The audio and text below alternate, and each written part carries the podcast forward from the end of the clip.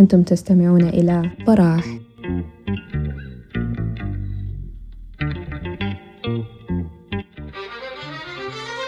وفي حضرة براح نواصل منقطع من حديثنا في الشأن العام فيما يخص التحديات الاستراتيجية التي تواجه السودان. وحنتناول في الحلقة دي عدة محاور نبدأها بملف اللامساواة ويليه ملف الطاقة والبنية التحتية. مع تمنياتنا لكم باستماع طيب.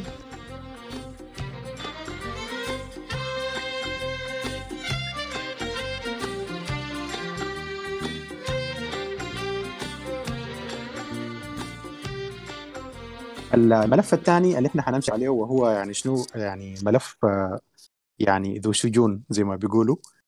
وملف صراحة حرج جدا It's extremely critical في بلد زي السودان اللي هو الملف بتاع الطاقة والبنية التحتية واللوجستية. آه يعني نتكلم عن الموضوع ده من ناحية تأثير ملف الطاقة يعني عموما على السودان آه مشاكل القطاع بشكل عام وتأثير البنية التحتية اللوجستية على مثلا آه، الثروة الحيوانية والتصدير في السودان. على نوع البنية التحتية داخل المدن والخسارات اللي بتحصل وحنضرب آه، نموذجين بدولتين يعني بنفس الموضوع. فتفضل يا محمد. آه، طبعا قبله حتطرق يعني قبل ما أدخل في البنية التحتية يعني بالذات في الطرق تخطيط الطرق ومشكلة عنايه الطاقة وجب التنبيه أنه في مشكلة برضو يعني أحد من اعصاب أعصاب البنية التحتية برضو القدرة للوصول لبنية تحتية بتاعت مياه موارد مياه بتنظمها وبنية تحتية كمان مرتبطة بالسانيتيشن ودي برضو بتأثر على الثقل في قطاع الصحة بالمناسبة بشكل ملحوظ في دولة زي السودان. لأنه مثلا نحن لأنه ما عندنا مجاري بتاع التصريف وما عندنا نظام صرف صحي في السودان مثلا على سبيل المثال اللي هو في مدينة واحدة اللي هي الخرطوم بتعريف إنه نظام صحي نظام صرف صحي تقدر تعتبره متماسك ومتوازن وقادر أنك تمده وتزيد من مساحته وال وال وال وال والغطاء والمساحات اللي بيغطيها واللي بيوصل لها حنلاحظ إنه الشبكة دي بشكل بشكل كويس ومتواصل وبجوده كويسة موجود في مدينة الخرطوم فقط وفي أجزاء معينة في المدينة. ولو جينا حسبنا وطبعا بيأثر على الامراض يعني مثلا في الخريف ده ما في أرقام يعني على بخصوص الأوبئة اللي انتشرت فترة الفيضانات.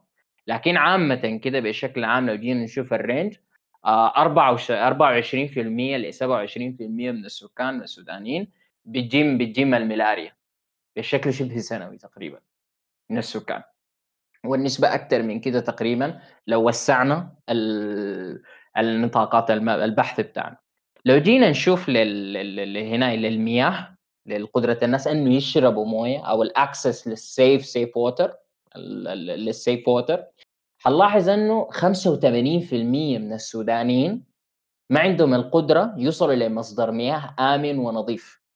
Okay؟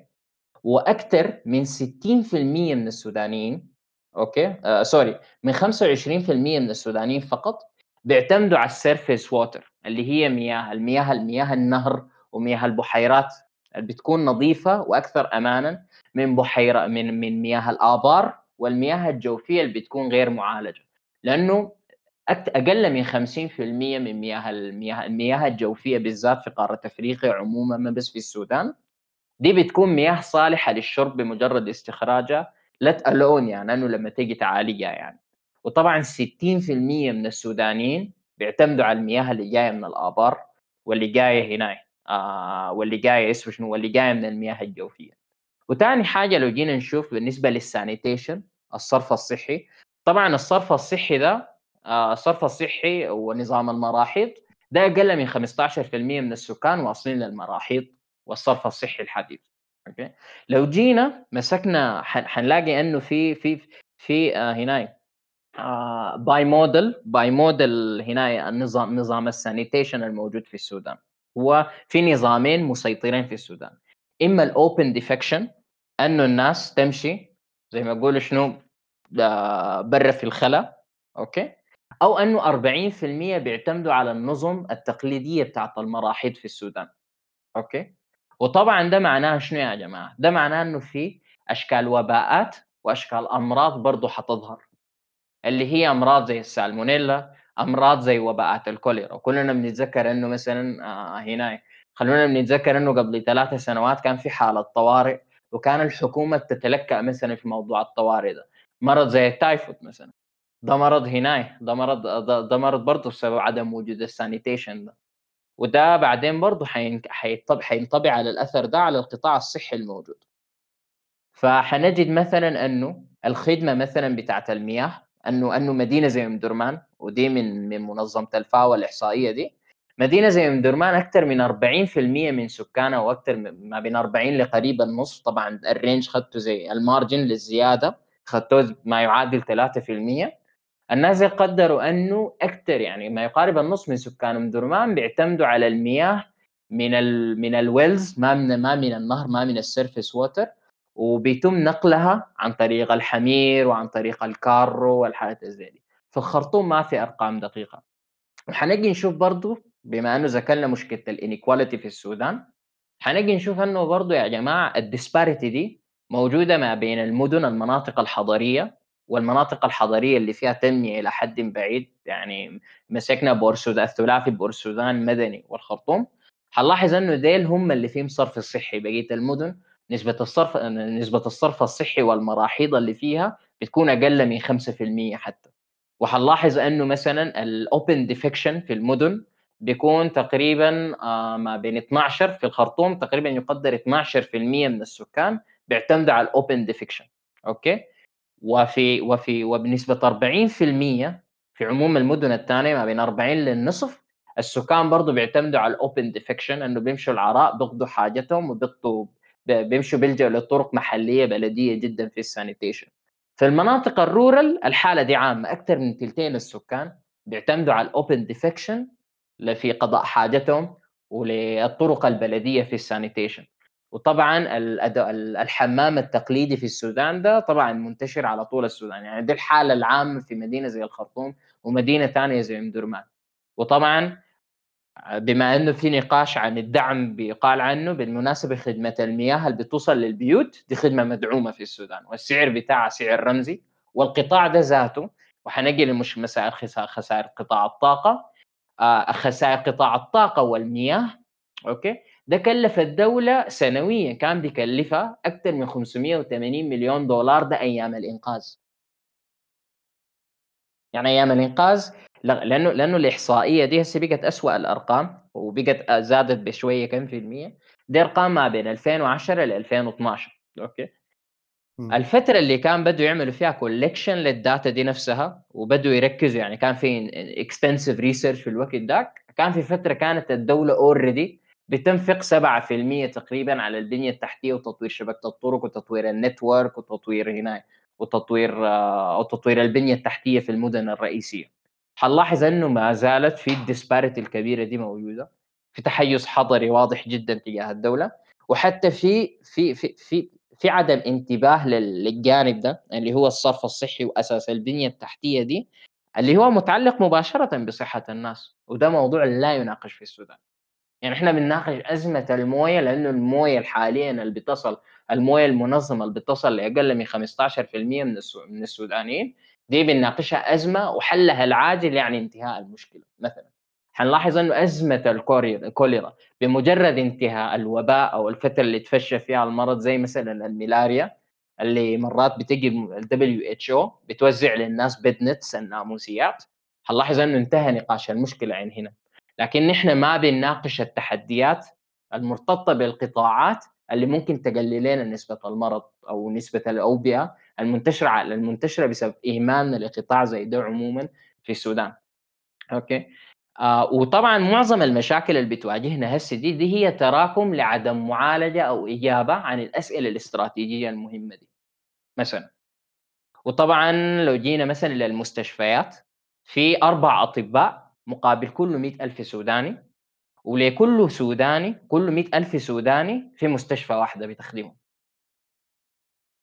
لاحظوا هنا الأرقام. وطبعا أسرة ال ICU يا جماعة إحنا عندنا أسرة أسرة هنا أسرة ال intensive care unit العلاج المركزي. نحن عندنا تعتبر في تقريبا رويترز كان نشر التقرير بعد أزمة الكورونا دي بخصوص بخصوص هنا بخصوص بخصوص بخصوص ال intensive care unit وعدد الأطباء عدد المستشفيات كون أنه في الفحوصات كان في أزمة يعني كان في أزمة كبيرة جدا. يعني قارة أفريقيا فيها أكثر من مليارين من السكان أقل من 5% من الأفارقة طبعا عموما تم تم فحصهم يعني للكورونا يعني. دولة زي جنوب السودان اللي هي انفصلت مننا بملعقة ذهبية في يدها مثلا في 2011 الدولة دي عندها أقل من ثلاثة ventilators طبعا زودوهم لخمسة دعموهم المنظمات الصحية. نحن ال ventilators برضو عددهم قليل ما عندي رقم تحديدا حتى الرويترز قالوا الرقم عندهم ما مؤكد فما حسبره بالإضافة لكده أسرة ال ICU عندنا أقل من 20 فلاحظوا يا جماعة نحن الكارثة إحنا 40 مليون عندنا 20 سرير ICU بس. وعلى فكرة الأزمة دي ما في الدول اللي في السودان بس okay؟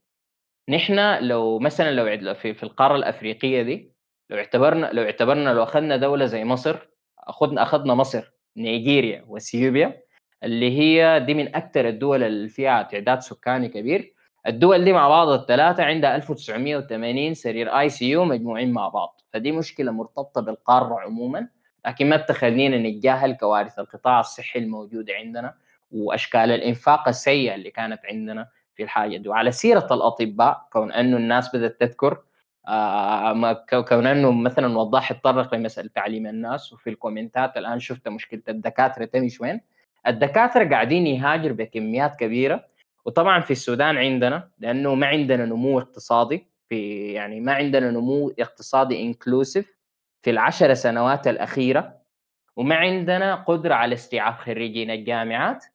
يا جماعة نحن عندنا مشكلة brain drain ما تتخيلوا بأي شكل بشكل غير طبيعي. يعني بالذات ال curve لو جيتوا تشوفوه كان في دراسة نشرها البنك الدولي قبل أشهر برضه ما بين في سنة 2010 على سبيل المثال هاجر أكثر من 2000 1297 طبيب.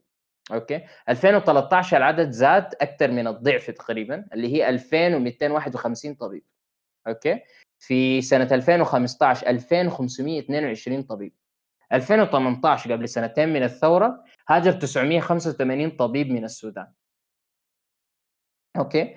حتى الجامعات وعلى سيرة المعلمين وتأهيل الناس في السودان في 2012 university teaching staff زول مؤهل إنه يدرس في الجامعات أكثر من 1002 أستاذ جامعة سوداني مؤهل غادر من السودان. والرسمة والرسمة عندي حزودها عليكم هنا في ال comments ات تقدروا تشوفوها.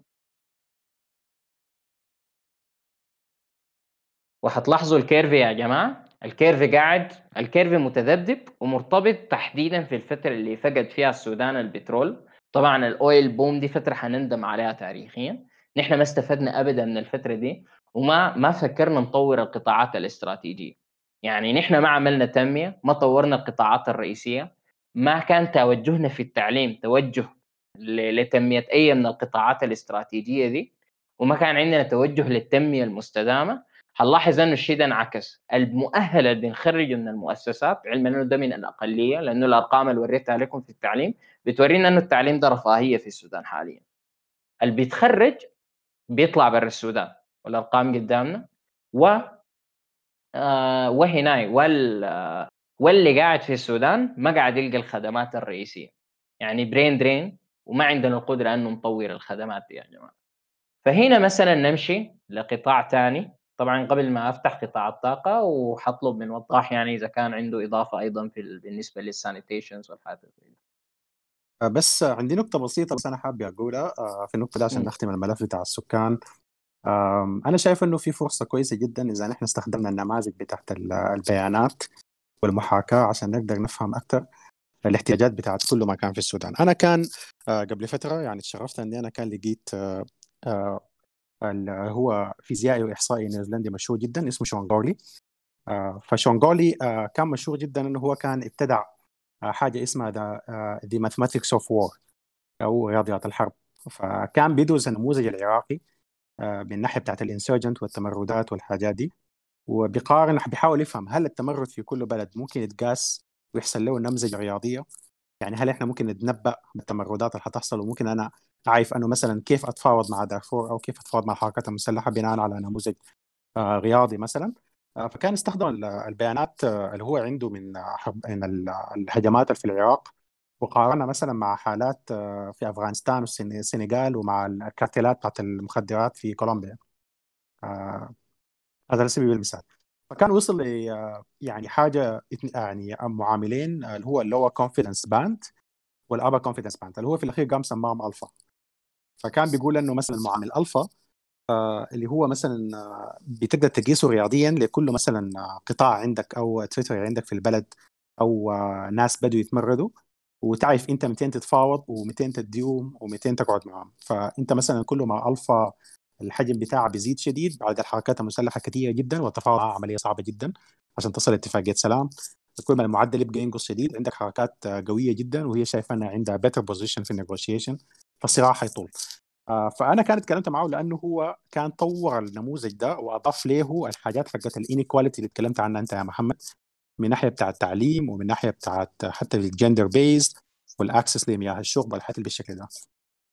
فالنماذج اللي أنا طلعت عليها من شغله آه، بتديك آه، نوع من التفاؤل أنه يعني الاستخدام المكثف مثلا للبيانات والنماذج الرياضية للمعطيات بتفتح آفاق كبيرة جدا ان إحنا نحاول نحل مشكلة ال inequality ويكون عندنا زي ما بيقولوا يعني bird eye view حاجة كده يعني منظر من فوق لكل المشاكل اللي حاصلة في السودان ما نعاين لها مشكلة مشكلة بنفس الطريقة اللي إحنا بنتعامل بها حس يعني فدي الحاجة الوحيدة اللي أنا حبيت أضيفها.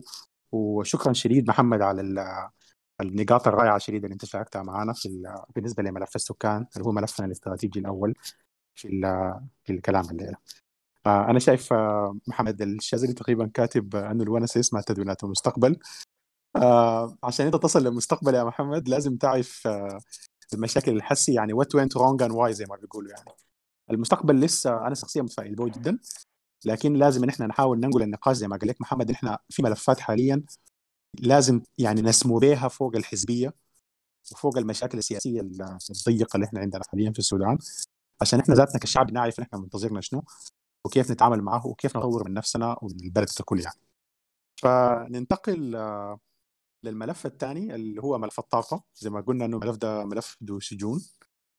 آه محمد حيتكلم عن جزء وأنا حتكلم عن جزء وأنا أنا هتداخل في الجزء بتاع البنية التحتية والبيانات حقت البنية التحتية وتاثيرها على الاقتصاد العام للبلد من ناحية بتاعت فقدان ساعات العمل والنماذج الرياضية في الموضوع ده. آه لكن محمد أنا يعني شنو؟ آه I will handle the the talks to you زي ما بقولوا وممكن تبدا تتكلم عن القطاع والمقارنة مثلا بين النموذج السوداني والمصري وعدم الكفاءة في القطاع. هنرجع بعد ذاك نتكلم عن موضوع البنية التحتية.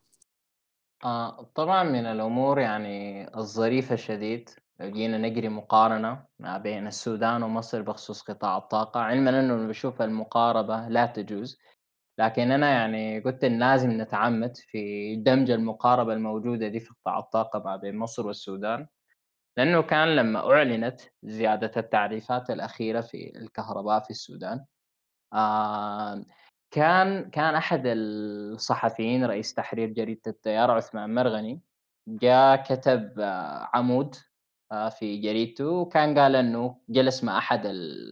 جلس مع أحد المسؤولين الوزاريين المصريين وكان آه في إطار نقاشهم مع بعض قال إنه أنتوا ليه بتدفعوا سعر رمزي للكهرباء؟ وطبعا كلامه ده غير صحيح يا جماعة لأنه كان على حسب كلام عثمان مرغني كان قال إنه الوزير المصري كان قال له إنه نحن لا ننظر للعائد من استهلاك العداد يعني عاد القطاع ده يمشي بالخسارة وإنما ننظر للعائد من است... من استهلاك الكهرباء.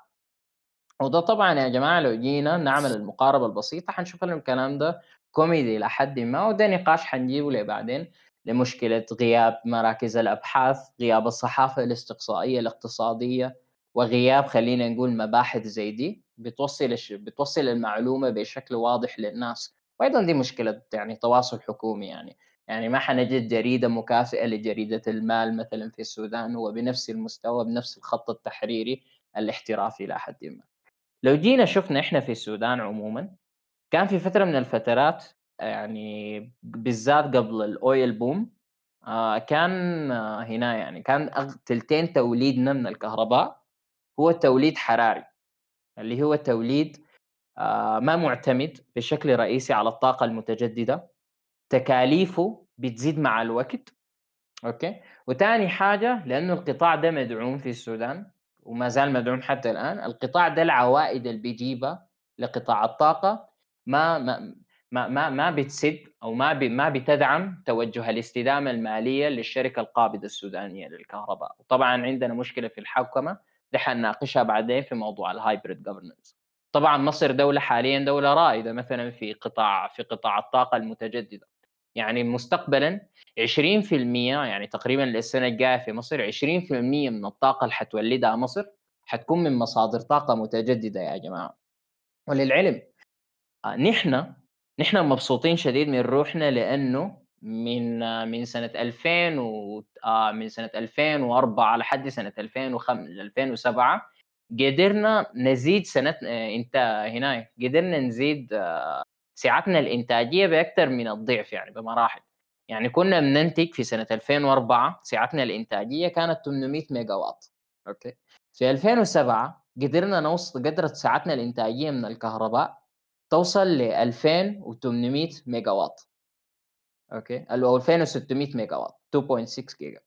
طبعا لو نظرنا للشيء ده حنقول نحن قاعدين نحرز تقدم. وطبعا ليه هسه سعتنا الإنتاجية في آخر ورقة أصدرها البنك البنك البنك الدولي قبل عام اللي هي العام الماضي كان اللي هي في دراسته التشخيصية لوضع الكهرباء كان اللي هي 3500 ميجا واط وأقصى حال الطلب ما عدت ال 3200 ميجا واط. المشكلة يا جماعة لو جينا نقارن ما بيننا وما بين مصر مصر أقصى طلب على الكهرباء أقصى طلب على الكهرباء وصل 31000 ميجا واط في فترة من الفترات. okay؟ وده حنشوف ده حاجة كبيرة يعني دي حاجة كبيرة يعني لو جينا نشوف طلب زي ده. لكن إنتاج مصر من الكهرباء فاقت 58 ألف ميجا واط يعني مصر بتنتج عندها فائض حاليا 53 ألف ميجا واط sorry 53% فائض في إنتاج الكهرباء حاليا. يعني بتنتج أكثر من المحتاجات. وعندها مشاريع ربط كهربي وحسي حزودكم بالمصادر آه، سوري برسمة بتوريكم مشاريع الربط الكهربي ما بين مصر وجوارها في جوارها اللي هم الأردن آه، لبنان سوريا ليبيا السودان وعندها مشروع ربط كهربي مع مشاريع في السعودية في الشمال عاوزة تربط كهرباء معاها. طبعا يا جماعة المشكلة اللي بتواجهها مصر حاليا ومن المضحك جدا يعني المصدر كان بحث من أحد الباحثين في قطاع الطاقة في مصر اللي هو محمد يونس. كان عنوان البحث بتاعه اللي هو عبء فائض الكهرباء بحكم إنه مصر عندها خطة استراتيجية إنها تبقى من أكبر المصدرين للكهرباء في في الاعوام القادمة في شمال أفريقيا وبكهرباء من مصادر طاقة متجددة ورخيصة جدا يا جماعة. يعني في أحد المشاريع اللي عملتها مصر آه كان اللي هو آه اسم المشروع آه دقيقة. كان اسم المشروع اللي هو في الجنوب في الصعيد. كان المشروع ده حيولد طاقة من أرخص الطاقة الشمسية في شمال أفريقيا.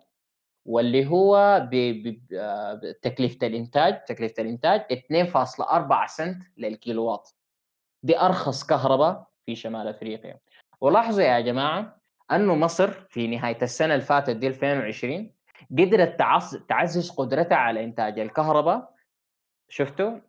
قدرتها على إنتاج الكهرباء تقريبا ضعفين اللي بننتجه okay؟ اللي هي 6600 ميجا واط ده ده, في السنة اللي فاتت الإضافة اللي أضافوها على إنتاج الكهرباء. نحن قدرتنا على التوليد قلت يعني إحنا نعتقد أنه نحن ما قدرنا نولد في السنة في السنة ونص اللي فاتوا أكثر من 2900 يعني دي آخر الأرقام اللي واحد طلع عليها. فلاحظوا يا جماعة 2900 okay؟ وقارنوا ما بين 58000 ميجا واط في إنتاج الكهرباء. تعالوا نيجي نشوف بما أنه تطرقنا لموضوع ال inequality ما بين السكان okay؟ آه inequality بتاعت السكان يا جماعة. تعالوا شوفوا نحن عندنا كيف مشكلة في الخلل في توزيع الكهرباء وتوزيعها كثروة ودي ثروة ودي وده مورد مدعوم. يعني تكلفة إنتاجه لو جينا نشوف في السودان اللي هو ما بين 16 17 ل 22 سنت في في الكيلووات بيتباع بأقل من 0.006 0.006 تقريبا cents للكيلو وات وطبعا حاليا التعرفه ال... طبعا طبعا حسي حأزود رسمتين حوريكم رسمتين. الرسمتين ديل بتقارن ما بين يا جماعة ما بين سعر ما بين ما بين سعر الكهرباء في في دو في دولنا إحنا وفي دولتنا إحنا وما بين الدول الأفريقية المجاورة حاليا حاليا جنبنا okay؟ وحنشوف كمان في الرسمة الثانية أنه التعرفة الإسمية تغيرت okay؟ لكن التعرفة الحقيقية بحكم أنه العملة حاليا قاعد تتدهور ما تغيرت ابدا. وده بأثر على الاستدامة المالية بتاعتها وحوريكم لاحقا زي ما وريتكم خسائر الخسائر في في في المشكلة في المشكلة مشكلة الخسائر في قطاع الماء وإمدادات المياه كمان مشكلة الخسائر في قطاع الكهرباء كمان. فمثلا لو جينا نشوف اثيوبيا جنبنا اثيوبيا بتبيع الكهرباء أغلى من أغلى مننا بكثير مع إنه نحن يا جماعة هم عندهم يا جماعة تكلفة إنتاج الكيلوات أقل. تكلفة إنتاج الكيلوات عندهم طبعا عندهم عندهم امتياز نسبي بحكم إنه عندهم منحدرات شديد وبيقدروا يولدوا طاقة كهرومائية رخيصة. فعندهم 4 سنت في الكيلوات تكلفة الإنتاج. فنحن هنا يا جماعة بنتكلم عن شنو؟ بنتكلم عن عدم إنصاف. في في خدمة يا جماعة بتوصل لأقل يعني الخدمة دي محروم منها 72% من السودانيين. وطبعا الرقم يعتبر أكثر يعني بسبب الطريقة الحسابية بتاعته يعني انت عندكم يا جماعة أقل تقريبا من 32% من السودانيين قادر يوصل للخدمة دي يا جماعة. هل تعلموا يا جماعة نحن بنتكلم واحد ما بين كل ثلاثة سودانيين فقط عنده كهرباء. أوكي؟ واحد في المية من السودانيين بيستهلكوا ربع إنتاج السودان من الكهرباء. وديل الواحد في المية ديل ديل متوسط استهلاكهم okay؟ 1600 كيلو وات ساعة ده معناه انه نحن ده مورد مدعوم بطريقة ال subsidies الموزع عندنا. ال ال ال الكهرباء بتاعتنا ما فيها عدالة في التوزيع وطبعا حزودكم برضو بالخريطة اللي في السودان. وثاني حاجة نحن عندنا ما عندنا ما عندنا وسائل توليد مستدامة قاعدين نتوسع فيها وعندنا مشاكل ذاته في المشاريع اللي قاعدين نبدأ فيها ومشاكل المالية اللي بتواجهها منذ انهيار سعر الصرف. أوكي؟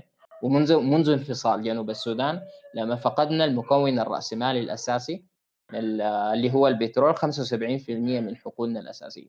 وطبعا يا جماعة ونحن بنتكلم قطاع الطاقة ده سنويا بيستهلك أكثر من 1.3 مليار دولار سنويا ونسبة عالية جدا من الناتج المحلي والنسبة دائما متفاوتة أوكي؟ بحكم أنه اقتصادنا قاعد ينكمش. وللعلم يا جماعة كمان أنه كل فترة بما أنه بيستهلك وقود مدعومه القطاع ده يا جماعة لازم نعرف أنه كلفته حتزيد. ففي 2000 و 2023 الإيرادات المفروض الإيرادات المفروض يجيبها القطاع ده بت... لازم تكون أكثر ما بين 600 مليار جنيه وأكثر بشوية. القطاع ده لو كملنا بالنسبة لل... بالنسبة للوضع المالي اللي إحنا فيه القطاع ده حيدخل لنا أقل من 800 مليون جنيه سوداني. يعني فجوة الإيرادات أكثر حتى من 500 مليار 500 مليار جنيه سوداني. والقطاع ده يا جماعة آه هنا لازم يجيب لنا 600 مليار جنيه وحزودكم بالرسمات وفي ازعاج في الخلفية أعتذر عليه وتفضل يا وضاح أكمل على الموضوع شكرا شديد يا محمد على النقاط الممتازة اللي أنت شاركتها معنا. آه، في نقطة ثانية برضو أنا حبيت أتكلم عنها واللي هي يعني الناس ما بتتكلم عنها كثير اللي هي التكلفة بتاعت سوق مثلا بالنسبة لقطاع الطاقة نفسه في جزء من الهدر بيحصل آه، بيحصل داخل المدن نفسها. اللي هو يعني أنا حمشي شوية على الملف بتاع البنية التحتية يا محمد قطاع الطاقة داخله. ف آه، عندنا مشكلة حقيقية في السودان اللي هي سببها يعني التكلفة بتاعت عدم تطوير البنية التحتية في السنين اللي فاتت. يعني الموضوع ده مشكلة كبيرة جدا لأنه الازدحام المروري اللي بيحصل مثلا بيكلف دولة زي الولايات المتحدة 87 مليار دولار في السنة. فليه؟ لأنه أول حاجة بيحصل تعطيل فقدان لساعات عمل كثيرة جدا. آه، بيحصل آه، حرق للوقود بيحصل تأثيرات على على المناخ نفسه. دي كلها حياة في الأخير بتتحسب بتبقى يعني تتخطى في صوره بتاعت قروش وبتأثر على جي دي بي.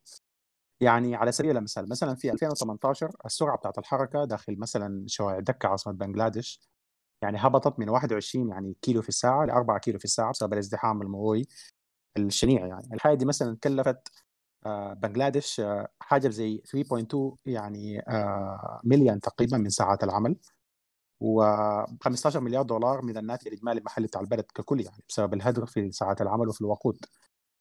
كانت المشكلة دي مثلا مشكلة كبيرة شديد في الإمارات يعني الإمارات تقريبا بتقدر أو دبي أو حكومة دبي حسب الحالات اللي أنا كنت شفتها واشتغلت فيها وكده حكومة دبي آه، بتقدر إنه آه، كل كيلو من الازدحام المروري آه، داخل الإمارة بيكلف إمارة دبي 700 ألف دولار سنويا. اللي هو الهدر في الوقود والتكاليف بتاعت ساعات العمل الضائعه عشان كده دبي بدأت استراتيجية كبيرة جدا من 2013 على أساس إنها تعمل نوع من ال revamping كده لكل ال infrastructure داخل المدينة. الناس مثلا كانوا بيجوا دبي زمان وبيجوا دبي هسه بيلاحظوا إنه في زيادة ضخمة جدا في المحاور المرورية. حاجة قائمه بها ال RTA أو هيئة الطرق والمواصلات. المدن الجديدة اللي بدأت تتوسع في مساحات مختلفة عشان تقلل شوية من الضغوطات على ال على ال على الشوارع. في نفس الوقت العدد الكبير بتاع ال flyovers والكباري الطائرة والحاجات اللي بتحصل بالشكل ده. آه ليه؟ لأنه الموضوع ده مثلا في 2013 آه الاقتصاد الإماراتي خسر حاجة زي 3 مليار دولار بسبب الهدر. آه في آه في في الازدحام بسبب يعني آه هو مش سوء بنية تحتية بس كان عدم جاهزية البنية التحتية. يعني لاحظ الناس بيتكلموا عن عدم جاهزية البنية التحتية وبتكلف اقتصاد 3 مليار دولار في السنة بسبب الهدر في الوقود وفي ضياع ساعات العمل. آه الاستراتيجية الإماراتية كانت أنه آه أن إحنا آه تكلفة الفرصة البديلة أو ال opportunity cost أنه إذا نحن ما عملنا حاجة التكاليف دي ماشية تزيد أو إن إحنا يعني ح... آه، يعني حنعمل نوع من ال allocation لجزء كبير من ال budget والحاجة دي حتقلل الموضوع ده eventually هي خسارة حسي مبدئيا لكن نحن على المدى الكبير حنكسب. فكانت الاستراتيجية الإماراتية إنه حيستحصل استثمارات في قطاع البنية التحتية في دبي. حتنقل دبي مثلا والإمارات ككل للمرتبة الأولى تقريبا في 2018 حسب تقريبا الأمم المتحدة في ناحية الجودة بتاعت الطرق. اللي هي دي كانت عبارة عن استثمارات ب 6 مليار دولار من 2013 ل 2016 النتيجه كانت أنه الخسارة بتاعت الاقتصاد الإماراتي اللي كانت بتقدر ب 3 مليار دولار في 2013 قلت لحاجة بتاعت 1.25 دولار 1.2.5 آه، في 2016 اللي هي أنت حسبت أنت خسرت 6 مليار دولار لكن أنت saved يعني حاجة في حدود آه، تقريبا 1.6 بليون اللي هي دي حاجة أنت تقريبا لما تيجي تحسبها في الأخير ال payback period بتاعتها بتتكلم عن حاجة في حدود تقريبا أقل من أربع سنين. فنحن محتاجين نوع من التفكير زي ده. يعني أنا مثلا شخصيا آه، حساباتي الشخصية إنه آه، الخسارات الخسارة السنوية في الناتج المحلي الإجمالي في السودان بسبب الرداءه بتاعت البنية التحتية والهدر اللي بيحصل في الوقود بسبب رداءة البنية التحتية داخل المدن في السودان والشبكة بتاعت الانترسيتيز آه، تقريبا أنا يعني بياناتي الشخصية ممكن تكون خطأ لكن في حاجة في حدود 1.8 مليار دولار كل سنة من الناتج الاجمالي المحلي بتاع السودان دي دي دي مشكلة كبيرة ومشكلة حقيقية. ونحن أصلا بلد إذا نحن دايين آه، نبقى يعني أصلا نحن بلد ال production فيها questionable آه، جدا وعليه آه، علامات استفهام كثيره شديد. فدي غير التأخيرات اللي بتحصل والسوء اللي بيحصل. أنت ما ممكن تنتقل لأنك أنت بلد تكون service hub أو تنتقل لتكون بلد إنتاجي بطريقة معينة. إذا أنت لسه عندك مشكلة مشكلة زي دي اللي هي دي دي نقاط اللي هي زي تأثير الفراشة. نقطة بتوديك لنقطة بتوديك لنقطة. إذا أنت وصلت مرحلة إنه مثلا أنت ما قادر توفر بنية تحتية ممتازة وما قادر توفر آه، طاقة للمكبات مثلا آه، الطلبه ما حيقدروا يمشوا الجامعات الموضوع ده حيأثر على النقطه بتاعت التعليم. التعليم حيأثر على وظائف ال blue collars وال white collars اللي هي نقطه ثانية حترجعك إنت حيكون لنفس المربع الأول بتاع بتاع عدم التنافسيه فدي واحدة من التحديات الاستراتيجية الكبيرة الشديدة اللي إحنا عندنا في السودان واللي نحن ما ما قاعدين نتكلم عنها تماما يعني. تفضل يا محمد لو عندك زيادة في موضوع الطاقة والبنية التحتية. طبعا آه، قبل ما أدخل موضوع البنية التحتية ونتعمق فيه زياده الازدحام المروري وتخطيط الطرق إلى آخره لأنه دي مشكلة لوحدها كمان في السودان دي مشكلة براها في قطاع الطاقة بالعودة إليه. على فكرة قطاع الطاقة حاليا لو جينا قدرنا على أقل التقدير أنه عاوزين ننقذه خصوصا بوضع الانهيار المالي اللي هو فيه ومستقبلا مع مع مع مع, مع صيانة التوربينات الجاية والتوسع. طبعا يا جماعة نحن الطلب عندنا السنوي بيزيد بنسبة 11% لقطاع الطاقة ده. يعني كل سنة بغض النظر عن الوضع الاقتصادي بغض النظر عن وضع السكان انت كل سنة لازم توسع في الخدمة ولازم توسع في الشبكة وتربط ناس أكثر بها بحكم إنه واحدة من المشاكل الرئيسية إنه ده قطاع الطلب فيه دائما متزايد ومتوسع والقطاع ده ذاته أنت عشان تحل مشاكله وتتوسع فيه أنت أنت أول حاجة التكلفة عالية. يعني لو رجعنا مصر للدولة اللي كنت بقارن بها السودان آه مثلا مثلا حنجد إنه مصر آه وقعت عقد مع شركة سيمنز كان 2014 2015 عشان يولدوا طاقة حرارية بثلاثة محطات قدر كلهم كده سعتهم الإنتاجية اللي هي 4400 ميجا واط الشيء ده كلف أكثر من 6 مليار دولار أمريكي يا جماعة. لاحظوا المبلغ ده قدر كيف؟ وده برجعنا لمشكلة شنو؟ إنه الاقتصاد السوداني ده يا جماعة 200% فاصلة 3 200.3% يا جماعة ده ديون اقتصادنا. يعني اقتصادنا ده هسي نحن ما ماشيين ذاته بشكل كويس عشان نعفي الديون عشان نحل عشان هنا عشان عشان عشان عشان عشان نرفع من تصنيفنا الائتماني. ونقدر يا جماعة نلقى استثمارات لقطاع الطاقة ده عشان نقدر نحسنه. لأنه قطاع الطاقة ده مش ماشي للانهيار قطاع الطاقة عندنا في السودان ده انهار. وعلى فكرة القطاع ده بياثر على حياة كثيرة. يعني قبل فترة من الفترات قبل أسبوع كان مثلا تجار الجزارين في الخرطوم كان بيشتكوا أول حاجة طبعا لاحظنا إنه في مع مع مشكلة سعر الصرف وطبعا مع تأثر أسعار الوقود حتتأثر بقية السلع. الأسعار بتاعت اللحوم برضه ارتفعت. واحدة من الأسباب الرئيسية اللي هي الطاقة بالمناسبة وغيابها يا جماعة لأنه أول حاجة الناس دي بتضطر تجيب جنريترات الجنريترات بتحتاج تجيب لها وقود. انقطاع الكهرباء المتواصل وتنظيم القطوعات ده بيضع عبء عبء على التجار ديل. أول حاجة بيقللوا المادة المعروضة لأنه ما عندهم قدرة يخزنوا في الثلاجات بالإضافة لذلك الجنريتر ده ده قيمة مضافة للحم اللي بيجي يبيع عليك. بالإضافة لذلك حيحاول يعوض المخاطر اللي حتجي بالفترة الجاية. لاحظوا الشيء ده يا جماعة. فهنا ذاته سلاسل القيمة المضافة للعديد من السلع بتتأثر. وفقا لورقة كمان نشرت في 2010 كان برضه 2010 السودان ده برضه في مش... السودان ده طول عمره في مشكلة كهرباء قطوعات مستمرة. دي ما مشكلة جديدة. كان يا جماعة عارفين إنه أكثر من 60% من النشاط الاقتصادي في السودان بيتأثر وبتقل إنتاجيته بسبب غياب الكهرباء ده. فلو جينا شفنا الشيء الغريبه إنه متوسط استهلاكنا مع الطلبة الزايد 11% كل سنة؟ ما عالي جدا. يعني أغلبية السكان يعني جينا شفنا المتوسط ما فاتت 300 كيلو واط دي أول حاجة. وثاني حاجة يا جماعة ال consumption كله استهلاك من الأسر المعاشية ذات الوضع الكويس.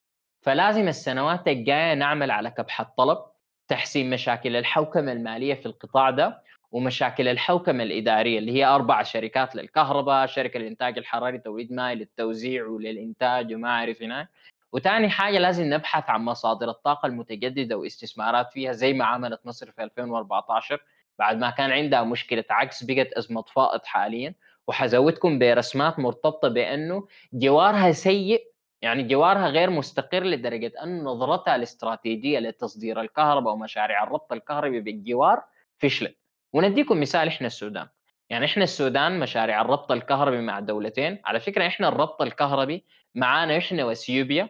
يعني يعني إحنا إحنا لو ارتبطنا عملنا مشاريع ربط كهربي مع إثيوبيا ومع مصر حنقدر نوفر 200 مليون دولار سنويا. لاحظوا الشيء بالإرهاق اللي بيواجهه القطاع القطاع الكهربائي ده حاليا. إضافة لكده الكهرباء رخيصة. ومشاريع الربط الكهربي ما بالضرورة بتعني إنه هو مع الوقت لازم نفكر في حلول مستدامة أكثر لأنه ديل برضو عندهم عدد السكان بيزيد والطلب على الكهرباء بيزيد بنسب كبيرة وكمان يعني مع النمو الاقتصادي في الدولتين ده معناه إنه الطلب على الكهرباء حيزيد وما للأسباب الكونسومشن اللي إحنا عندنا دي. دي حاجة لازم نلاحظها.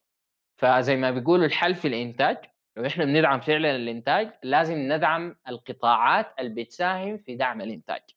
وده نحن الشيء ما قاعدين نعمله حاليا. يعني إحنا ما زلنا بنسلك سلوكيات الاقتصاد الريعي والإنتاج الريعي علما إنه ريع النفط بتاعنا ده مشى.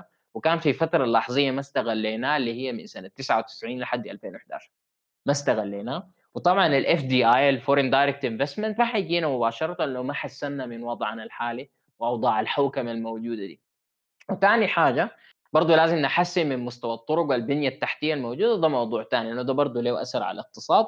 وحديكم يا جماعة هنا رسمات وخلي وضح يكمل على بال ما اخذها زيادة على النقطة بتاعت محمد والنقاط الممتازة اللي أشار آه، نحن إذا ما بدينا ناخذ حلول آه، مستدامة للقطاع ده فنحن يا جماعة we are يعني marching أو ماشيين بخطة ثابتة وواثقة على النموذج النيجيري يعني آه، نيجيريا حاليا في مشكلة كبيرة جدا ومحمد ممكن يعقب على الكلام ده لو حابب. إنه تقريبا 86% من المؤسسات التجارية في نيجيريا الحاجة دي including ال small businesses كلهم شغالين بمولدات كهربائية. يعني مصدر التلوث القادم في أفريقيا أو كارثة التلوث القادم في أفريقيا حتيجي من نيجيريا. آه، نيجيريا أنت بتتكلم عن بلد فيها 70 مليون generator. آه، بلد آه، النيجيريين بيصرفوا 14 مليار دولار على على الوقود بتاع المولدات بس. يعني الحاجة دي حتضغط نفسه قطاع الطاقة الثاني بالنسبة لل supply بتاع الوقود نفسه يعني. ما يعني نيجيريا وصلت مرحلة أنه أكثر من ربع السكان عايشين على المولدات يعني حياتهم كلها يعني. فكان في مقال جميل جدا كتبته صحيفة ذا نيشن فكان بيتكلم عن الموضوع ده وبيشير أنه مركز التلوث القادم في العالم حيكون نيجيريا. آه فنحن عشان ما نصل للمرحلة دي يعني المفروض يكون عندنا حلول مستدامة أكثر للقطاع يعني زي ما أشار محمد للنقطه يعني. آه بعدين ثاني في آه آه نقطة ثانية مهمة جدا بالنسبة لموضوع الطاقة نختم بها الملف بتاع الطاقة. إنه عشان أنت تبني أي دولة عظيمة لازم يكون عندك اكتفاء ذاتي من الطاقة. الملف ده ملف مهم جدا جدا. وأنا يعني حشير معاكم هنا آه، مقال آه، رائع جدا كان كتبه مارتن فيرشتين في هارفارد بزنس ريفيو كان المقال بيتكلم عن إنه ليه الولايات المتحدة أغنى دولة في العالم وليه حتفضل دائما أغنى دولة في العالم لغاية المدى المتوسط حتى لما تتقارنها بأوروبا وغيرها. فاتكلم عن نقاط كثيرة شديدة إحنا برضه حنرجع نتكلم عنها ثاني في الملف بتاع الحوكمة. لكن واحدة من النقاط اللي هو تكلم عنها مارتن آه اللي هي الطاقة. آه الولايات المتحدة يعني عندها يعني مصادر بتاع الطاقه ولا تعتمد تماما على أي شيء خارج الولايات المتحدة سواء من الشمال الكندي أو الجنوب المكسيكي أو حتى من أي حتة ثانية في العالم على موضوع الطاقة. الحاجة دي وفرت الولايات المتحدة قاعدة ممتازة جدا آه، ساهمت أنها آه، تاخذ الولايات المتحدة لقدام الموضوع ده آه، يعني ما بدأ من الليلة يعني كانت في مشكلة حقيقية زمان حتى بعد موضوع الفساد العظيم اللي حصل زمان في الثلاثينات وبدت نماذج زي مثلا الهيئة بتاعت الانعاش الوطنية ال NRA فاتعملت مؤسسات للموضوع ده يعني هيئة وادي تينيسي في أمريكا توفير الكهرباء السدود العملاقة اللي اتعملت في الولايات المتحدة بعد ذاك المشاريع حق الطاقة النووية والى آخره. فالفكرة إنه الشيء ده بيتبني. آه، الشيء ده مش إنه أنت بتعمل في شنو ولا أنت عندك شنو حاليا ولا كده لا أنت بتبني الموضوع.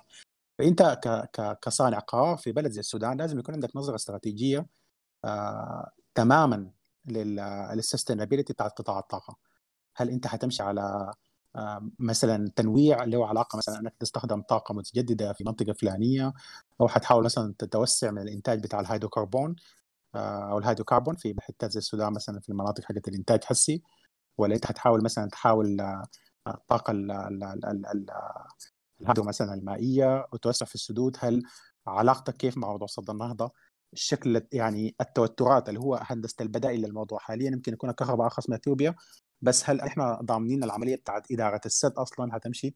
آه، بطريقة كويسة. وضعنا كيف أصلا الجيوبوليتيكال مع اثيوبيا حاليا مع كل المشاكل الحاليه في اقليم الفشقة أو إقليم الفشقه يعني. ف فلازم المواضيع دي تتخطى في في صنع القرار عشان لازم يحصل حل للموضوع ده. وإلا ما في أي نهضة حصل في البلد. لو ما نحن حاولنا نتجاوز النقطة دي بتاعت ملف الطاقة أصلا بالأساس. فشكرا محمد على الإنسايتس الجميلة في النقطة دي. وننتقل آه، لملفنا الثالث اللي هو حنتكلم آه، عن حنتكلم عن ملف الحوكمة. وبعد كده حنرجع لملف التغيرات التكنولوجية المتسارعة. آه بالنسبة لملف الحوكمة ملف الحوكمة قبل ملف الحوكمه في ملف أيضا ضروري مرتبط بمسألة البنية التحتية وهو موضوع الطرق في السودان وشبكة الطرق وكيف بتأثر بما أنه ذكرت موضوع الزحام يعني. هنا ملف كامل مرتبط بشبكة الطرق في السودان وقدر شنو هي سيئة وقدر شنو هي ضعيفة جدا وقدر شنو هي مؤثرة على النشاط التجاري والنشاط الاقتصادي. وطبعا مخلي السودان by default صداع لوجستي لأي مستثمر في أي قطاع. يعني إحنا عندنا عامة النقاش الأساسي عندنا إنه يا جماعة نحن نحن عندنا المورد موجود لكن القد ال capital الموجود للسودان ما ما يعني ما يعني ما ما ما ما ما, ما, ما قادر إنه يساعدك في إنك تساعد في تستغل تستغل الثروات الموجودة دي عندك. بالإضافة لكده آه بالإضافة لكده لو جينا مشينا لقطاع الزراعة القطاع هنا قطاع زي ال livestock الثروة الحيوانية وإلى آخره. دي كلها بتتأثر بأنه السودان عنده مشاكل في النقل اللوجستي المخازن وال والتخزين اللي بيحتاج طاقة برضه هسه تكلمنا عنه وبرضه النقل. النقل عندنا في السودان سيء جدا يا جماعة. يعني مثلا هل أنتم عارفين يا جماعة نحن بنتكلم أنه شبكة الطرق عندنا سيئة جدا لدرجة أنه بيتطلب وقت أطول بيتطلب وقت أطول إنك تنقل بضاعة ما بين بور السودان لكوستي okay؟ بيتطلب وقت أطول وأغلى التكلفة أعلى من إنك تنقلها من أحد المدن الحدودية في زامبيا للميناء في جنوب أفريقيا رأس الرجاء الصالح التكلفة في السودان أعلى بكثير. بالإضافة لكده يا جماعة لو جينا نمسك عموم شبكة الطرق في السودان كلها 30 ألف كيلومتر أوكي؟ لكن الطرق المسفلته لوحدها أقل من 7000 كيلومتر. تقريبا هي ما بين 6200 ل 6900 دي تقدر الطرق الإسفلتية ومعبدة بطرق كويسة. طبعا ما حاجي اسال حاجي أقول خلينا نقارن دولة صغيرة جدا زي قطر. قطر دي اللي مساحتها أقل بكثير من مساحة السودان. ودائما دائما عندنا سؤال في ال... بننكت وبنقول يا جماعة هي قطر دي براها قدر شنو؟ لازم نعرف إنه قطر في 2013 كان عندها شبكة الطرق كلها 1700 كيلومتر في 2013 قدرت تضاعفها أو قدرت تتربل النسبة تتربل الرقم ده وتوصله ل 6000 كيلومتر شبكة الطرق في 2018 في 2019 وصلت لما يعادل وأرقام البنك الدولي اللي هي 7790 كيلومتر. نحن في السودان صيانة الطرق سيئة جدا. معناه إنه نحن الطرق الإسفلتية يا جماعة أقل ولاحظوا الحجم الجغرافي لاحظوا يا جماعة المحاصيل الزراعية وضرورة النقل وعدد السكان وضرورة تنقلهم. نحن يا جماعة ما راعينا لده كله عندنا يعني هسي أنا حد في ترقيمي ده حدي هدية للسودان 100 كيلومتر من الطرق المسفلته هدية وأقول إنه مع كده السودان أقل بكثير بقريبه 800 كيلومتر شبكة الطرق أقل من قطر. ده, ده رقم كارثي يا جماعة. وما بس كده يا جماعة لو جينا نقارن لو جينا نشوف التكاليف اللي إحنا محتاجينها للفترة الجاية لتنميه الطرق دي يا جماعة يا جماعة الطرق اللي حنحتاج أول حاجة يا جماعة أي دولة عاوزة تنميه جاده okay؟ أي دولة عاوزة تنميه جاده وبالذات في قطاع البنية التحتية الطرق وال network والى اخره طبعا نحن في سنة 2000 على سيرة ال networking الشبكة نحن تحسنا إلى حد ما.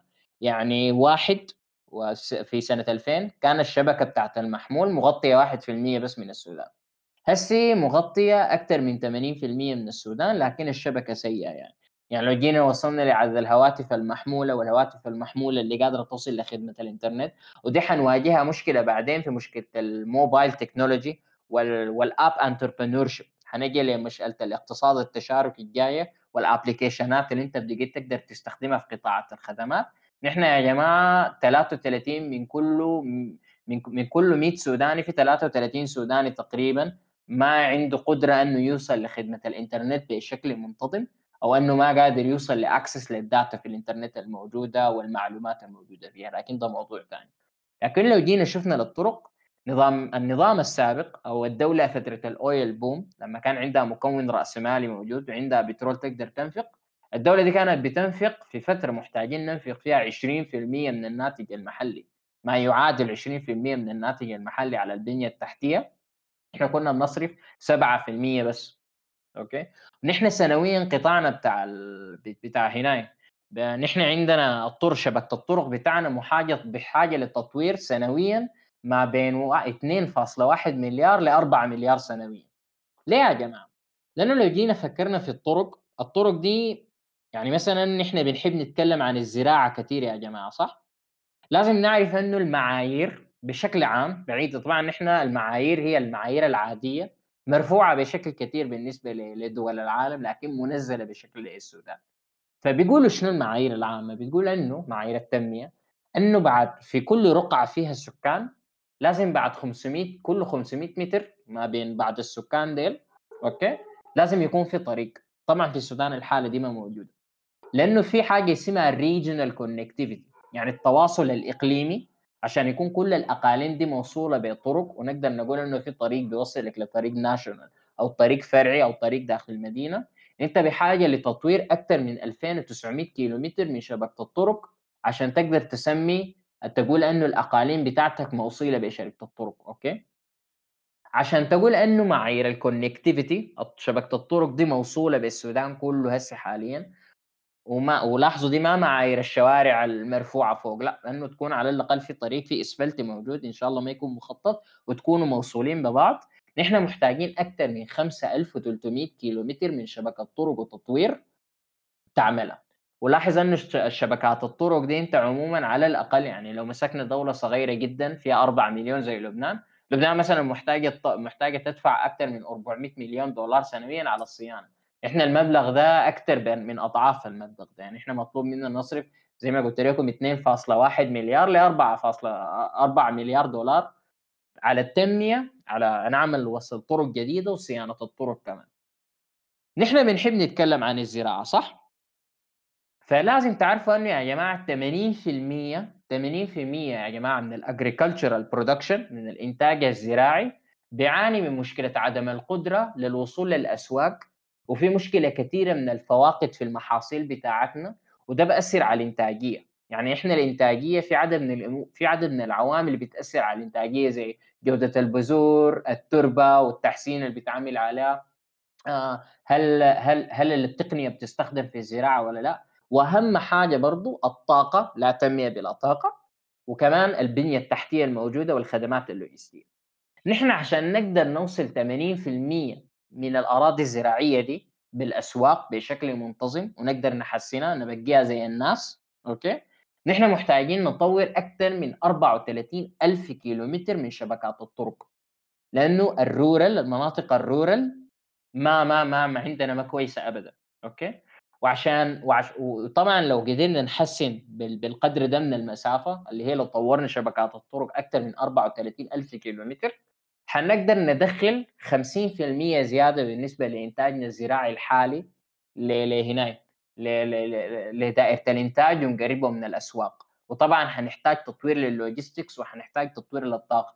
لأنه الطرق دي دايرة تتنور لازم يكون في مخازن لازم يكون في مطاعم للعمال دي اللي يرتاحوا. يعني لو لاحظتوا يعني بالنسبة للمتابعين بالنسبة اللي بيحبوا أدبيات الاقتصاد الكنزي دائما دائما في بالنسبة ل... بالنسبة في ركن أساسي من أركان الاقتصاد الكينزي انه يا جماعة أحد وسائل تحفيز الطلب هي انه ننفق على ال... على على القطاعات اللي بتجيب ال job creation وفي في دول زي السودان ده لو بنيت طريق ساي طريق ساي في أي منطقة أنت شوف عدد الوظائف اللي حتخلقها أنت شوف سهولة التم... سهولة سهولة النقل اللي حتقدر تمكن الناس يتنقلوها وكمان شوف القدرة أنك تشغل تعمل stimulation لقطاع المواصلات وكمان شوف المطاعم اللي حتتعمل في الطريق اللوكندات والفنادق وإلى آخره. وده طبعا تحدي على المدى القصير لكن على المدى البعيد حتكون محتاجة نظرتنا اعقد أبعد من كده لأنه في تطور تكنولوجي جاي في الفترة الجاية وحت كثير من وظائفنا حتعاني ودي لاحقا وضاح حيتطرق لها يعني. وطبعا نحن هسي ميزانيتنا في السنتين الأخيرات للتطوير شبكات الطرق والبنية التحتية مستشفيات network إنترنت طاقة إلى آخره. يعني خصصناها للتوسعة والتمدد. لو جينا عملنا لها estimation كلها بالنسبة للورقة الموجودة اللي نشرها البنك الدولي هي أقل من 750 مليون دولار. القطاعات دي خسائر okay؟ أكثر من أي حاجة. يعني كلها إحنا بنسد في العجوزات والخسائر الموجودة في قطاع المياه الطاقة وقطاع المواصلات وشبكة الطرق. وال... وبالنسبة لل sanitation والصرف الصحي وتفريغ الترع وإلى آخره. وطبعا بالنسبة لبعدين حنجيب سيرة صد النهضه برضه بنفرغ الأط... عشان إزالة الأطماع دي برضه بنصرف صرف كثير وطبعا عندنا كثير من المحاصيل خرجت من الإنتاج طبعا بسبب بسبب مشكلة الصيانة. صيانة صيانة مجاري الري ومجاري تصريف المياه برضه بسبب الموضوع ده. فالموارد الكلام عن الموارد ما كفاية ابدا. فتفضل يا وضاح شكرا يا محمد وأنا حابب أضيف نقطة يعني كتعليق لحاجة أنت كان قلتها أنه حتى شكل البنية التحتية الحالي آه، هو يعني ما ما effective هو ما فعال دي بالمناسبه ده نقاش يعني حاصل في العالم خصوصا بالنسبة للعدالة بتاعت الإنترنت وعدالة التوزيع بتاع الشبكة بتاعت يعني ال broadband في البلدان أو توفير خدمة الإنترنت لكل بلد. آه، ليه الناس حاليا شغالة تتكلم عن موضوع الإنترنت والعدالة في توزيع الإنترنت؟ لأنه آه، في دراسه الأمم المتحدة بتقول إنه زيادة 10 تلفونات في عينة من من 100 شخص بتزيد ال GDP بتاع العينة بقريب 2% داخلين على عالم فيه اقتصاد تشاركي وكمية كبيرة جدا من نوع ال services زي دي. أنقذت حتى الاقتصاد في السودان وأنقذت حتى الأسرة السودانية من ناحية بتاعت مصاريف. يعني خدمات زي آه، مثلا الاقتصاد التشاركي خدمات ال ride share ولا التاكسي عن طريق التلفون ولا التوصيل والحياة اللي بالشكل ده يعني وفرت وظائف في حين إنه القطاع العام فشل انه يوضح أو يوصل الوظائف دي. مشكلتنا الكبيرة في السودان إنه إحنا ما بنلتزم بال standards ودي حاجة لازم يتخطى لها حد ولازم نبدأ ننتبه بالحاجة دي مهمة جدا لأنه لما يكون ما في standard واضح مربوط بنقاط استراتيجية فأنت كده بتفقد الجزء بتاع التواصل والتكاملية مع القطاع الخاص اللي هو المفروض إنه هو يوفر ال services دي.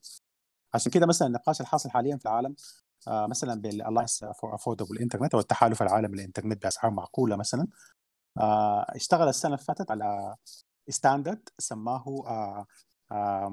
the MC أو the meaningful connectivity فلأنه بيجوا يقولوا أنه شركات الاتصالات أو ال service providers آه، ما قاعدين بيبذلوا مجهود عشان يتأكدوا أنه الخدمة هي واصلة بكفاءة للمستخدمين في البلدان وبالتالي تأثر على الاقتصاد ككل. آه، فكانوا بيخطوا standard أنه آه، لازم على الأقل يتوفر اتصال بتاع broadband للإنترنت عالي السرعه على الأقل في البيت أو في الجامعة. نحن نحن مثلا في بلد زي السودان ممكن نبدأ مباشرة بال standard العالمي الجديد يعني. آه لازم الحكومة تحاول آه بقدر الإمكان توفر خدمة إنترنت سريعة جدا. آه يا إما في طبعا أماكن العمل لأنه جزء منها بيرتبط بالقطاع الخاص إنت ما حيكون عندك عليها control كبير. لكن على الأقل الأماكن بتاعت التعليم والمعاهد والجامعات لازم يكون فيها انترنت سريع وال standard بيقول إنه لازم يكون 4G على الأقل يعني. إذا أنت مثلا وصلت ال DSL وكده that's fine لكن لازم يكون برضه في خدمة بتاعت 4G متوفرة آه، لل broadband وفي الجامعة أو المدرسة أو مكان الشغل لازم يكون في ADSL يعني بانواعه 2 وغيره أو في نفس الوقت يكون في آه انترنت سريع. في نفس الوقت لازم يكون ال ال ال ال الجهاز ال minimum لازم يكون smartphone عشان أنت تستفيد من الشبكة بتاعت الإنترنت والخدمات الاقتصادية والبنية التحتية بتاعت الاتصالات لازم يكون على الأقل في آه جهاز بتاع يعني آه smartphone ولازم تكون خدمة الإنترنت متوفرة على الأقل أثناء ال day يعني آه، في. في المدارس والجامعات والشغل وأثناء النهار مثلا في أقرب مكان زي مثلا في تجربة جميلة جدا في مويشس اللي هي المراكز حقت الشباب بتكون في الأحياء فيها إنترنت كافيز وإنترنت عالي جدا في السرعة والحاجة دي حتى بدأت يعني آه، تحفز حتى الإنتاج الاقتصادي والاستفادة ورفع المستوى بتاع التعليم والاستفادة من البنية التحتية التكنولوجية. آه، مشكلتنا الثانية إنه نحن مثلا الحاجة دي عاملة لنا عائق كبير جدا آه، في الموضوع بتاع الشفافية والنقطة بتاعت الفساد مثلا. والنقطة بتاعت إنه نحن نتحول نقضي على أسعار الصرف المتعددة. نحن بلد فاضل لنا الشهر على البرنامج بتاع ال SMP وعندنا سبع أسعار صرف. حاليا. فجزء من ال transition اللي بيحصل ده إنك أنت توحد إنك أنت ذاتك تقفل يعني. واحدة من مشاكل الفساد الكبيرة في السودان لو انت جينا فكفكنا أو عملنا يعني root cause analysis للمشكلة بتاعت الفساد اللي هي الناس اللي بيظهروا في النص ديل لما تكون الخدمة صعبة ببساطة شديدة. آه، كل ما الخدمة تسهل وكل ما عدد الحاجات اللي في النص تقل آه، الفساد بيبدأ بيقل بصورة كبيرة شديد. آه، لو رجعنا للتقرير بتاع البنك الدولي بتاع سهولة ممارسة الأعمال مثلا سنة 2020 حنلقى انه السودان في مراحل متأخرة جدا. في خدمات حكومية في السودان متطلبه 76 اجراء يعني. وفي خدمات في السودان بتاعت إنك مثلا تقعد توصل كهرباء وتبني السايت حقك ممكن تصل عادي ستة تسعة شهور يعني. دي مشكلة كبيرة جدا يعني.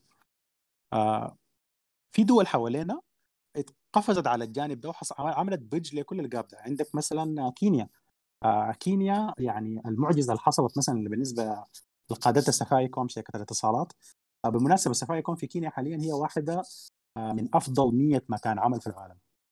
تقريبا نمره 67 أو 66 حاجة بالشكل ده.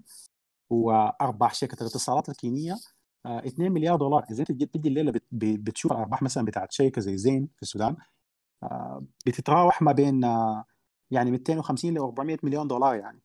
اللي كانت في أفضلها لما كانت آه، يعني post oil boom لكن بعد كده الموضوع بدأ بدأ بيتدهور طبعا لأنه مشاكل كثيره حصلت في السودان وتحويلات القروش وسعر الصرف والتفاصيل دي يعني. فأنت بتتكلم عن أنه عندك آه، موفر أو مزود خدمة في بلد زي كينيا اللي هي ال penetration بتاع ال mobile phone لكل 100 مستخدم. آه، أقل من السودان يعني. إحنا بنتكلم عن إثيوبيا كم؟ 40% جنوب السودان 27% كينيا 63% السودان 73% السودان one of the highest يعني. السودان أعلى من المعدل الأفريقي بمراحل بعيدة جدا. لكن لسه نحن ما قاعدين نستفيد من الموضوع ده. وأنا اعزو الموضوع ده لغياب الإرادة السياسية آه بالدرجة الأولى يعني. آه سفاريكوم حاليا آه أرباح الشركة 2 مليار دولار. لما تيجي تاخذ طلع على التقرير بتاع السنة اللي فاتت بتاع أرباح الشركة حتكتشف إنه 40 أو قريب 40% أو هي تقريبا 34% أرباح الشركة بقت عن طريق تحويل الأموال عن طريق الموبايل. آه، الحاجة دي قضت على كثير جدا جدا جدا من المنافذ حقت الفساد في البلد. سهلت ال circulation بتاع الخدمات زادت ال revenue بتاع شركة الاتصالات وبالتالي بتزيد عدد الناس اللي بيشتغلوا والكفاءة بتاعت ال investment آه، في الشبكة نفسها اللي ثاني حترفع ال GDP للوحدات الأصغر في كل مكان. وفي نفس الوقت آه، أدت يعني لدفعة كبيرة جدا للقطاع ال entrepreneur في البلد ورياده الأعمال يعني. فدي نقطة مهمة جدا إحنا لازم نهتم بها يعني. آه، خدمة زي M-Pesa دي صراحة درس آه، نحن المفروض كل القارة تتعلم منه خصوصا في السودان. وهي حتى يعني قبل سنتين اتخطت في الدليل بتاع معهد إدارة المشاريع على العالم يعني أو ال PMI لواحد من أفضل 50 مشروع يعني في تاريخ البشرية كلها يعني. ف فالبنية التحتية موضوع مهم جدا وموضوع بيأثر على حياة كثيرة شديد. ونرجع ثاني لنفس النقطة أن صانع القرار في السودان. لازم يكون عنده نظرة أكثر شمولية لما يتعاطى مع كل الملفات الاستراتيجية دي عشان يقدر يخلق يعني go to market أو go to society strategy تكون فعالة بطريقة أكبر وتكون مستدامة.